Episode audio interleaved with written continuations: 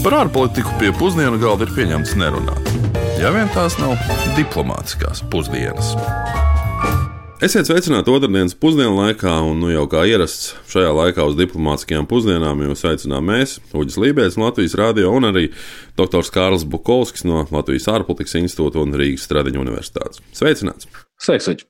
Nu, lai arī pakāpeniski, pakāpeniski dzīve sāk atgriezties normālajās sliedēs, un uh, mēs jau cerējām šonadēļ beidzot atkal tikties. Bet, nu, tomēr šoreiz uh, vēl tas nav sanācis, un tāpēc varbūt tās arī jāparunā par valsts, kur šīs normālās sliedas ir visai grūti atrast nu jau gandrīz desmit gadus. Nu, respektīvi, šodien jāparunā būtu par karu izpostīto tuvu austrumu valsts Sīriju, kurai, starp citu, rītā bija paredzēts parlamentu vēlēšanas. Nu, pareizāk sakot, būtu teikt, ka vēlēšanas bija paredzētas jau aprīlī, tad nu, koronavīrus dēļ tās tika pārceltas uz 20. māju. Un, nu, redz, rītdienas vēlēšanas ar prezidenta dekrētu ir atlikts otrais, un tagad tās notiks tikai 19. jūlijā. Jā, man jāatzīst, ka, ja nebūtu diplomātsko pusdienu, būtu šo ziņu pat palaidis garām. Nu, tā vien liekas, ka pēdējā laikā pašā Sīrijā notiekošais nedaudz ir pazudis no ziņu virsrakstiem. Un pareizāk jau gan būtu teikt, ka Sīrija ir kļuvusi par, jā, par dažādu valstu interešu sadursmes poligonu, bet par to, kas notiek pašā Sīrijā, mēs zinām arvien mazāk. Un tāpēc arī mēs vaicājām mūsu klausītājiem, ko viņi par Sīriju zināja pirms kara un kāpēc viņuprāt Sīrija ir pēdējā laikā nozudus no ziņu virsrakstiem. Cilvēkiem interesē tas, kas notiek tagad, un apkārt ne tas, kas ir bijis pirms tam. Tāpēc, tā kā aktuālais viss ir vīrus, tad cilvēki arī par to lasa un klausās, un tas viņiem ir primārs, un tad to arī ziņas stāst. Par Sīriju pirms kara sākuma Vienīgais, ko es zinu, ir, ka viņa bija attīstīta un industriāla valsts. Es sākumā īstenībā neaizdomājos, kāpēc Sīrijas kara situācija vairs netiek attēlota ziņās, bet tas visticamāk ir tāpēc, ka saistībā ar vīrusu, jo te ir citas prioritātes, vai arī tas vairs nav tik ļoti nozīmīgs priekš cilvēkiem. Cilvēki Latvijā droši vien vienmēr domā skatās uz lietām, kas ir tuvākas viņiem. Un, Iepriekšējā reize, kad šī valsts kaut kā figurēja mūsos, bija tad, kad bija migrantu krīze Eiropā. Tad mums radās kaut kāda iespēja asociēt sevi ar šo valsti.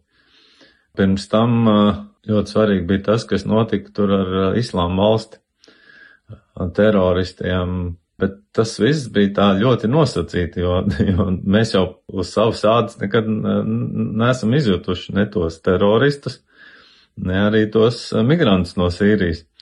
Tāpēc arī es domāju, ka tuvākā laikā mēs vispār par tādu valsti neatcerēsimies. Pēdējais, ko es dzirdēju, ka iespējams Sīrijā ir iznīcināts uh, tas jaunais Krievijas tanks ar Mata 14, bet kas interesanti, ka viņš ir iznīcināts ar uh, prettanku ieroču sistēmu TOW, kas ir 70. gadu ražojums, un es uzskatu, ka tas ir liels pazemojums, un tas ir kā sitiens zem jostas vietas Krievijas bruņotajiem spēkiem. Ļoti interesantas ziņas pēdējā laikā arī var šeit atrast, bet vajag parakties nedaudz dziļāk.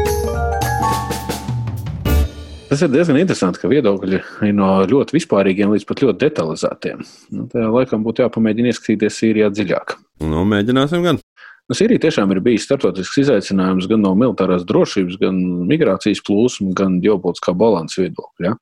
Tuvie austrumi vispār ir sarežģīts reģions, un tāds ir arī Sīrijas pilsoņu karš, kurā vairākas lielvalstis ir vedušas attālinātos, jau tā saucamos proksī karus.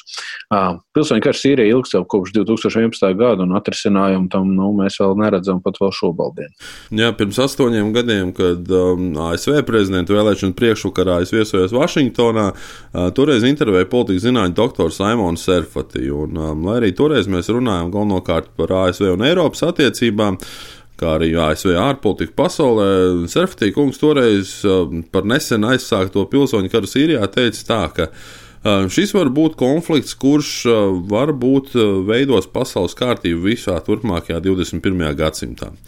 Un, atklāti sakot, šī frāze man vienmēr ir sēdējusi kaut kur zemapziņā, un pēc Krievijas iejaukšanās Sīrijā tā man atkal nelika mieru. Un šoreiz, gatavojoties raidījumam, par Sīriju atkal uzrunājām doktoru Serfatiju. Bet viņš laipni atbildēja, ka vairs īsti nesakojot politiskiem procesiem, piemēram, vēlēšanām Sīrijā, jo nu, kāda gan tad īsti jēga no tā visa atgriešanās normālajā dzīvē, vai šīs vēlēšanas būtu demokrātisks žests. Tāpat viņš arī neredzot jēgu pašreizējos apstākļos vispār uzsākt Sīrijas rekonstrukciju, jo galu galā nu, nav jau joprojām zināms, kurš īsti valda valsti, kurš maksā un arī par ko maksā. Mm, lai pilnībā izprastu karu Sīrijā, nebūs gan paskatīties tikai uz ārvalstu klātbūtni. To sapratu, ka Krievijas interesēm, ko Latvijas mēdījos jau diezgan daudz ziņots. Bet nepieciešams ir paskatīties arī uz tādu parādību kā valsti ar uh, izsīkstošām naftas rezervēm. Jebkura režīma un valdības popularitāte ir būtiski spēt nodrošināt arī valsts saimniecību un darba vietas, nu, kā arī pastāvīgi ienākumu plūsmu valsts kasē dabas resursi, un sevišķi arī tik pieprasīta, ka ir nafta, Šo klasiski ļaus ļoti daudzām valstīm. Un arī Sīrijas gadījumā skaidri parādās šī saikne, jeb korelācija starp naftas ziedu laiku beigām un iekšējo konfliktu sāsināšanos, kas vēl papildus visam sakrit ar pasaules ekonomisko un finanšu krīzi pirms desmit gadiem. Un runājot par naftu, jāpiezīmē, ka iegūt Sīriju to sāka 60. gadu beigās, bet eksportēt tikai pagājušā gadsimta 80. gadu vidū. Un kopš 95. gada, kad Sīrijas naftas ieguva bija visaugstākajā līmenī, 15 gadu laikā ieguva samazinājās gandrīz uz pusi. Jau tobrīd jau bija skaidri redzams, ka naftas rezervu izsīkšana un neefektīvās tehnoloģijas kombinācija ar pieaugušo naftas resursu patēriņu pašā Sīrijā, pašmājās, veda pie tā, ka arī bez pilsoņu kara Sīrija tuvākajos gados būtu kļuvusi par faktiski naftas importētāju valsti. Krītošie valsts ieņēmumi no naftas iegūs noved pie tā, ka valsts sāka nu, mazāk regulēt ekonomiku.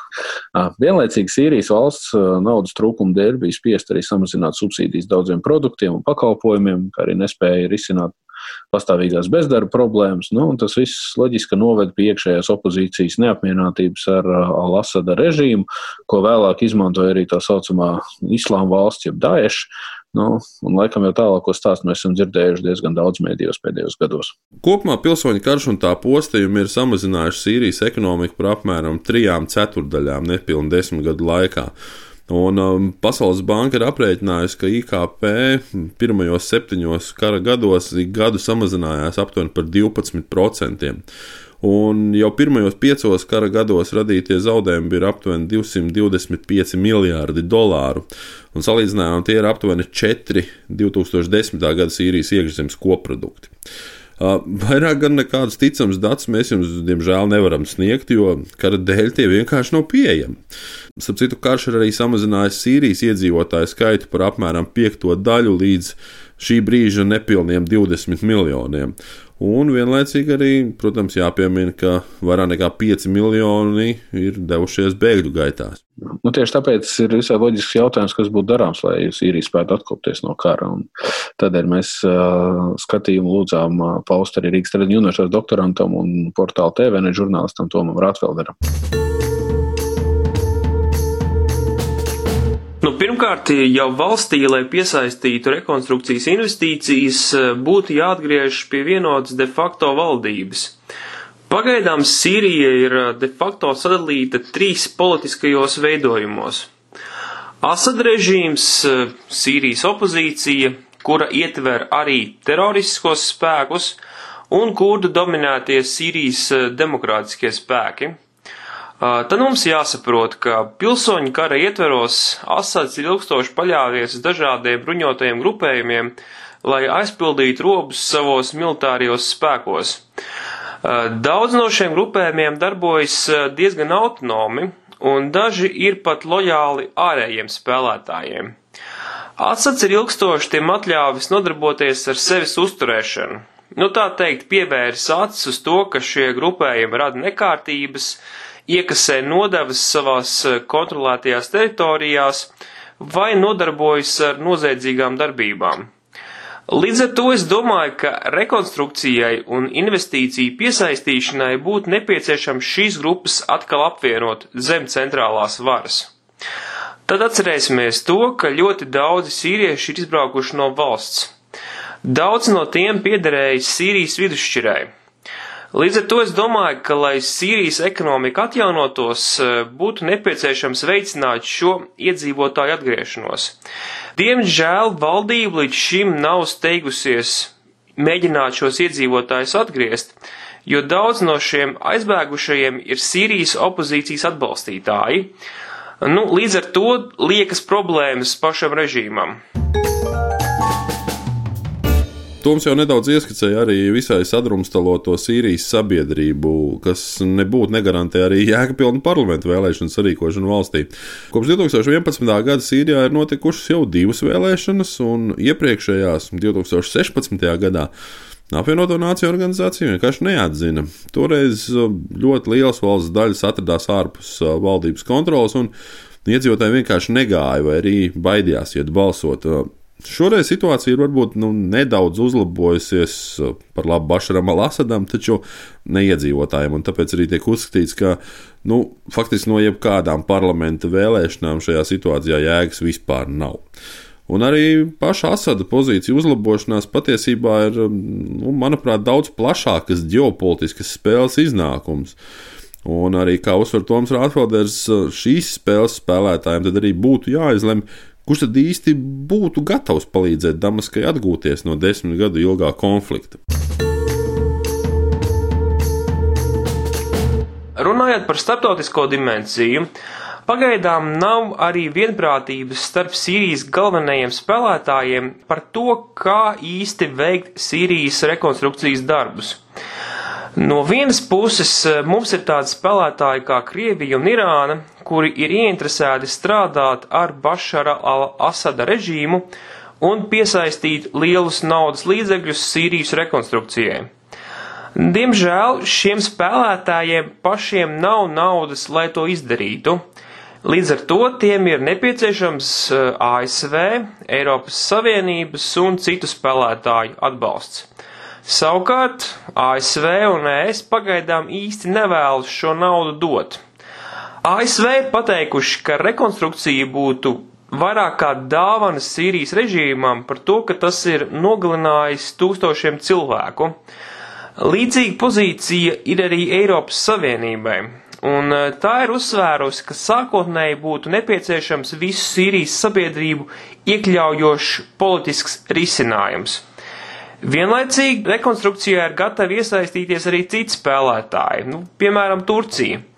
Pastāv risks, ka tie varētu īstenot autonomu no Asada atrautu rekonstrukciju teritorijās, kuras būtu vairāk to ietekmes sfērās.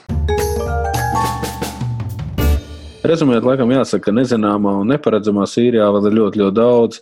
Un ne tikai tas, ka Sīrijas pilsoņu karam nav nemaz tik viegli atrast ne iemesls, ne arī piemeklēt nākotnes scenārijus. Ne nafta, ne jau, jau vairāk tās trūkums, ne arī dažādas valsts ar savām lielākām vai mazākām interesēm situāciju neuzlabo un arī līdz galam iepusē neizskaidro. Un diez vai tas ar pašreizējo politisko režīmu arī ir iespējams. Tad nevilšs jau pēdējos uh, desmit gados Sīrija izskatās pat pēc Samuela Huntingtona bēdīgi slavenās domas par civilizācijas sadursmi. Sīrija šī gadījumā būtu civilizācijas sadursmes vieta. Tāpēc arī parlamentu vēlēšana nozīme tagad vai jūlijā ir relatīvi nebūtiska. Es saprotu, ka vēlēšana organizētāji cer, ka pārcelšana parādīs to, ka vēlēšanas ir uztveramas nopietni, ka tās ir brīvas un demokrātiskas vēlēšanas, bet no apstākļi tomēr ir pārāk sarežģīti, lai mēs tā vienbalsīgi visu pasauli to tā pieņemtu. Lai cik būtu paēdis, vienmēr ir vieta arī desertam. Ja mēs runājam par desertu, tad patiesībā no Sīrijas nāk nu, gana daudz patiešām tādu smeķīgu faktu. Jā, piemēram, lingvistiski, reliģisku faktu. Un es jau sākšu ar lingvistisko. Tu zināji to, ka Sīrijā atrodas vienīgie trīs ciemati, kuros runā rietumaramiešu valodā. Valodā, kurā savulaik esot runājis arī Jēzus Kristus. Aramiešu valoda ir viena no semītu saimnes valodām, un mūsdienās tā ir klasificēta kā viena no apdraudētajām valodām. Un, sapcīt, interesanti, ka Mela Gibsona režisētajā filmā, ko latviešu mēs pazīstam ar nosaukumu Kristus ciešanas, viena no trim sarunu valodām ir līdzās ebreju un latīņu valodai, ir arī rekonstruēta aramiešu. Un uh, filmas iznākšana pat uh, sekmē lingvistiski interesi par aramiešu valodu. Turpinot ar reliģisko jomu, daži zinātnieki uzskata, ka tieši Sīrijas galvaspilsētas Damaskas tūmā esošais Kasjuna kalns esot vieta, kur Ādama un Ievas dēls Kains nogalināja savu brāli Ābelu. Un vēl arī Sauls no Tarsas, kas vēlāk kļuva pazīstams kā apustulis Pāvils. Dodoties tieši uz Damasku, esot redzējis vīziju, kurā viņu uzrunāja Jēzus Kristus ar vārdiem: Saul, Saul, kāpēc tu mani vajā? Um, taču, manuprāt, tomēr nav neviena saldāka stāsta par um, manas bijušās kolēģis Inês Strasdiņas pirms gadiem trījiem šeit pat radio viļņos aprakstīto stāstu par viesnīcu Riga Palace, Sīrijas otrajā lielākajā pilsētā Lepo un tās īpašnieku Navrasu Riga kurā vecs, vecs vectēvs 1838. gadā esot pametis Latviju un nonācis Libānā. Viņš gan nezina, vai viņa senči ir tiešām bijuši latvieši vai tikai nākuši no Latvijas. Bet nu, galu galā viņa ģimene ir nonākusi Alepo, un uh, unikāls ir arī fakts, ka pat Sīrijas pilsoņi kara aktīvajā fāzē un pēc Alepo bombardēšanas Riga Pelas bija vienīgā atvērtā viesnīca pilsētā. Un ar šo patiešām saldo ēdienu mēs noslēdzam šīs nedēļas diplomātiskās pusdienas, ko veidojam mēs, es Kārlis Bukovskis un mans kolēģis žurnālists Uģis Lībietis. Lai izdodas! Tiekamies pēc nedēļas! Diplomātiskās pusdienas katru otrdienu pusdienos Latvijas Radio 1.